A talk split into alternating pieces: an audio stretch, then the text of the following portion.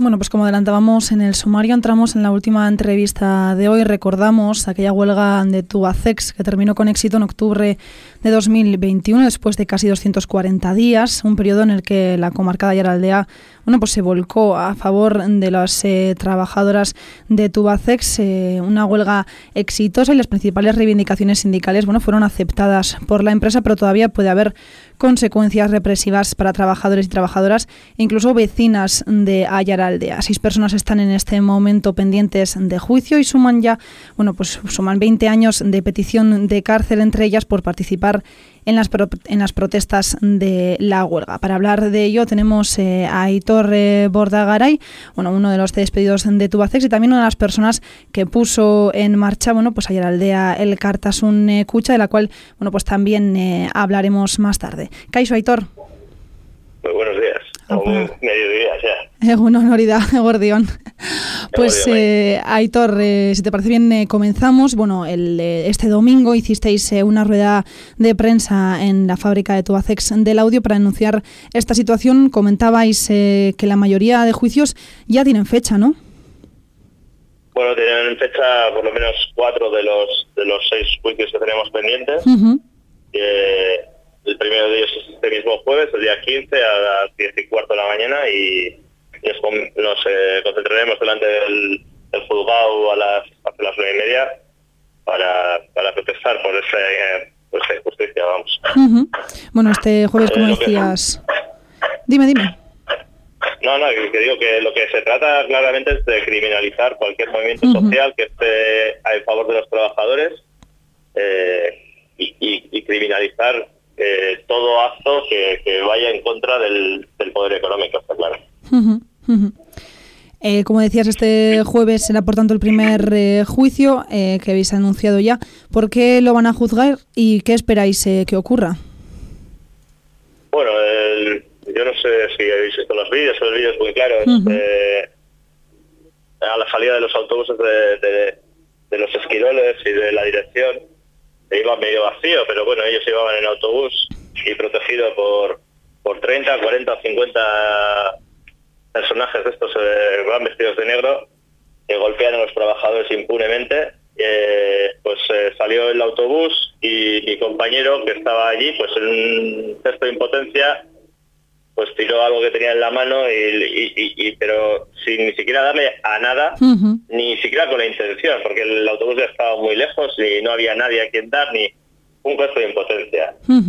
y, y la extraña que estaba delante de él, pues como ellos venían resabiados, porque, porque habíamos tenido unos espillos a la mañana, habíamos tenido una bronca eh, con ellos, que nos habíamos sentado delante de la carretera pacíficamente, pero pero impedimos la entrada del autobús a primera hora, pues como nos sentamos allí y, le impedimos, ellos venían muy resabiados. y, le buscaron a él como le podrían haber buscado a cualquier otra persona por tirar un petardo o por Pero como era el que tenían delante, le detuvieron entre entre 30 salvajes, 5 o 6 le tiraron encima, le hicieron una lesión permanente en el codo que, le está repercutiendo claramente para, su día a día y, que, y que esto será de por vida.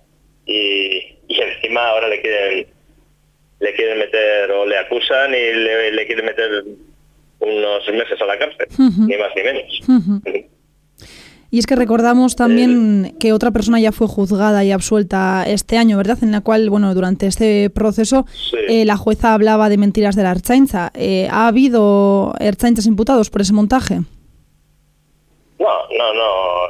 Es que ese es el problema, que ellos sienten una total impunidad. Eh, a mi compañera le acusaban de que había golpeado en el pecho, que le había pegado un, puñetazo en el pecho a una España, lo cual era físicamente imposible porque tenía tenía un escudo, tenían un montón de, protecciones, tenían o sea, era físicamente imposible que mi compañera hubiera saltado por encima de aquel escudo y le hubiera dado. Encima eh, fue algo, una detención totalmente sexista. Yo creo que trataban de provocar que las personas que estábamos allí, que los, el resto de trabajadores eh, nos les agrediéramos o algo así. Ellos estaban buscando bronca porque porque eh, Ainzane, que era el nombre de esta chica, eh, creo que era de las pocas chicas que estaban en primera fila.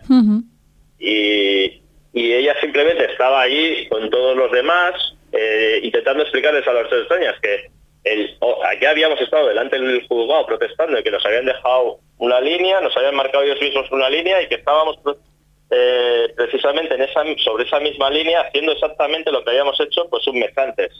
Y sin embargo ese día, pues como se les fue la olla, o, o, querían que se les fuera la olla, porque de vez en cuando ellos tienen que autojustificar su sueldo, porque claro, si te atraes 100 personas todas las mañanas, como nos ocurría en el mes de marzo, que nos traían 100 personas aquí con 7 furgonetas y, un despliegue de esa naturaleza para trabajadores pacíficos, que no hacíamos nada, excepto el día más violento, sentarnos en el suelo, eso fue lo más violento que se, que se ha hecho en Tubacex, que, yo tengo la impresión de que pecamos de, pues eso, de, no haber hecho otras cosas, porque porque claro, ellos lo estaban buscando, pero nosotros igual podíamos haber hecho que, la huelga no dura 236 días.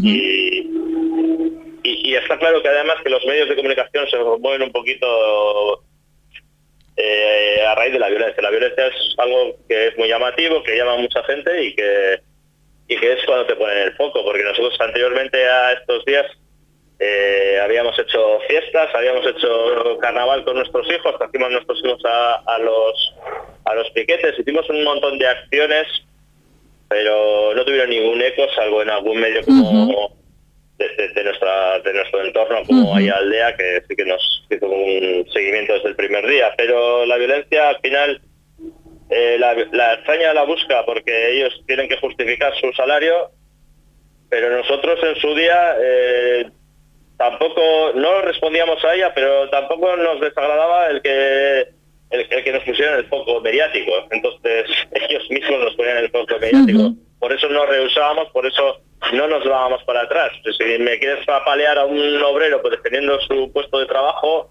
creo que no hay nada más vil y más absurdo que, tener a, un cuerpo policial que se llama España para, para colmo, o sea, la que cuida del pueblo, apaleando a los trabajadores por defender su puesto de trabajo. no, hay nada más ruin. totalmente. Luego, por otra parte, eh, el juicio que se realizará en septiembre es eh, contra tres eh, vecinas de la comarca que participaron en las protestas. ¿Qué valoración hacéis de este tipo de apoyos que recibió la huelga? el apoyo de nuestro entorno fue fundamental. Fue fundamental la presión social, fue fundamental muchísimas cosas y el sentido del respaldo, simplemente el sentido del respaldo de, nuestro entorno fue lo que posibilitó que aguantáramos lo que aguantamos. Eh, que se juzgue a estos chavales, pues que, es, es, un síntoma claro de que, de que el, poder no les quiere ahí, no quiere que el entorno apoye a esos trabajadores. Quieren que estemos eh, aislados, por eso mismo les acusan de desórdenes públicos, además de, de de atentado contra la autoridad, que no sé de dónde se lo han sacado, y ya el colmo es que alguno de estos chavales ni siquiera estaba presente en el momento en el que se le acusa. O sea, ahora tiene que buscar él, la, esa persona, esas personas que no estaban, tienen que buscar la forma de demostrar que no estaban. Eh, como les habían visto otros días, pues les han imputado a ellos, como si llega a pasar, eh, pues eso, mi padre que acudía normalmente, pues igual le podían haber dicho que él era el culpable. Lo que pasa es que una persona mayor pues no, no interesaba, pero como había tres chavales ahí que venían venían al piquete, que nos apoyaban diariamente, que, que, unas veces nos traían, pues yo qué sé, pues eh, refrescos o, o, nos, o simplemente estaban, estaban con nosotros, pues eso les molestaba. Total. Y, y les han les han imputado por eso. Eh, ahora, pues eso, lo que digo, que ahora tienen que buscar la forma de demostrar que ni siquiera estaban. Ya no que no hayan hecho lo que ellos dicen, es que ni siquiera estaban. Ya. Pero es algo complicado después de dos años y, Totalmente. Y es que aparte de los juicios pendientes, también ha habido varias sanciones económicas y si no me equivoco, de ahí surge un poco esa resistencia cucha. ¿Cómo funciona esta? Bueno, la resistencia cucha nació porque porque la huelga eh, requiere a veces de, cosas, de, responder a, lo que te presenta la, dirección. Entonces la dirección nos, nos presentó unos servicios mínimos abusivos Entonces había mm, un montón de personas que entraban a no hacer nada a la fábrica y esas mismas personas pusieron en marcha una caja, que subía una cosa que era física, que es una caja de madera, y metían eh, sus salarios, los metían ahí. Entonces llegó un momento que aquello estaba creciendo tanto, con tanto dinero, que dijimos, esto hay que organizarlo un poco.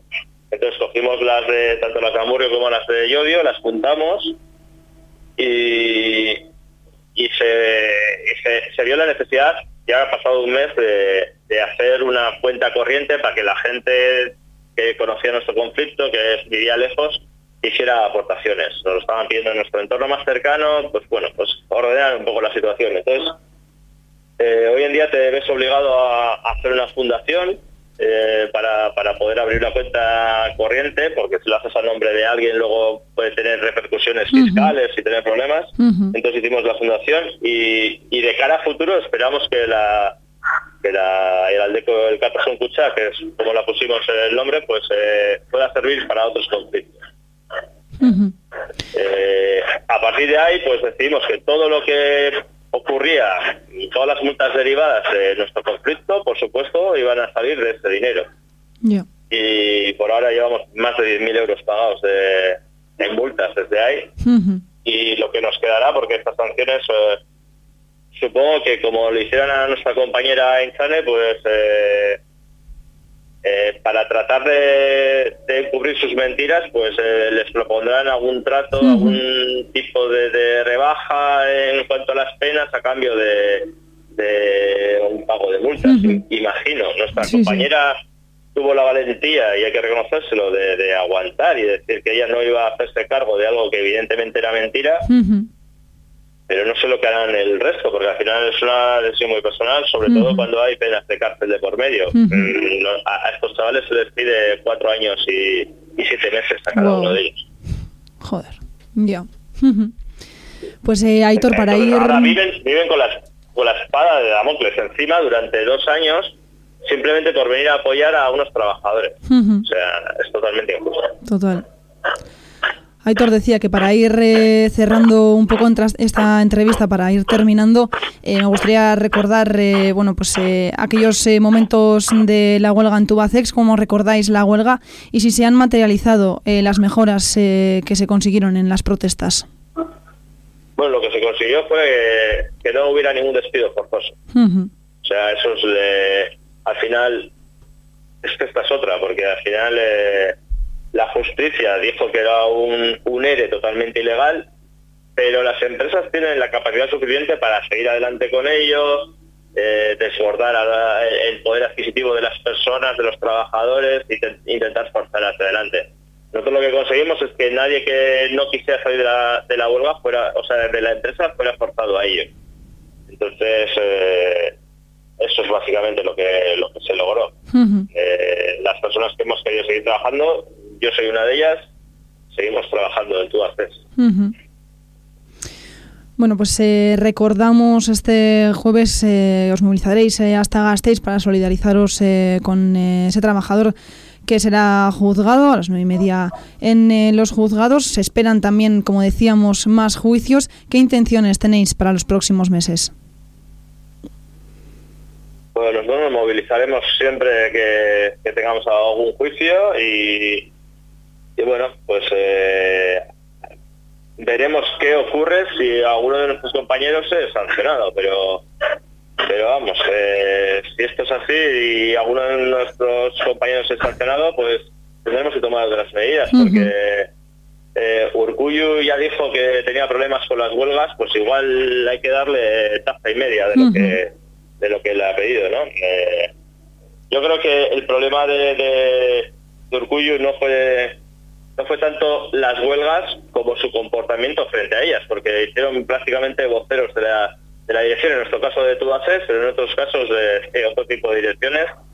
Eh, y, a pesar de que luego se ha demostrado que, porque hubo un juicio en el Tribunal Superior de Justicia del País Vasco que dijo que era ilegal el despido, era ilegal el ERE que nos, al que nos sometieron, ellos siguen haciendo de voceros de, de la edición, tal vez porque tienen un asiento o varios asientos en el Consejo de Administración, tal vez porque los hijos de los congresistas y, y, de, y sobrinos de varios de los diputados de los diputados del PNV tengan cargos aquí de directivos o, tal vez por otro tipo de, consideraciones, pero está claro que ellos solo solo apoyan una parte.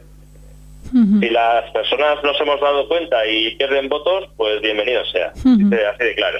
Los trabajadores no podemos seguir siendo derechas, no podemos seguir no podemos ser tan tontos como para votar algo que no nos interesa.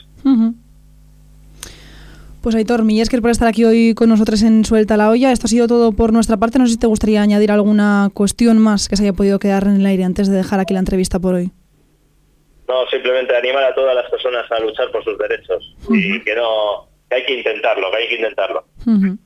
Bueno, pues nos quedamos... Eh, Morida, Morida. Nos quedamos con eso. Aitor Miñesker por estar aquí hoy con nosotros, como decíamos, en Suelta la Olla, por traernos todas estas eh, cuestiones. Recordamos esa movilización del jueves. Y nada, si te parece bien, lo dejamos aquí por hoy. Nos escuchamos pronto con más. Venga, Miñesker. Miñesker Suri. ¿Dónde está Nagur? Agur.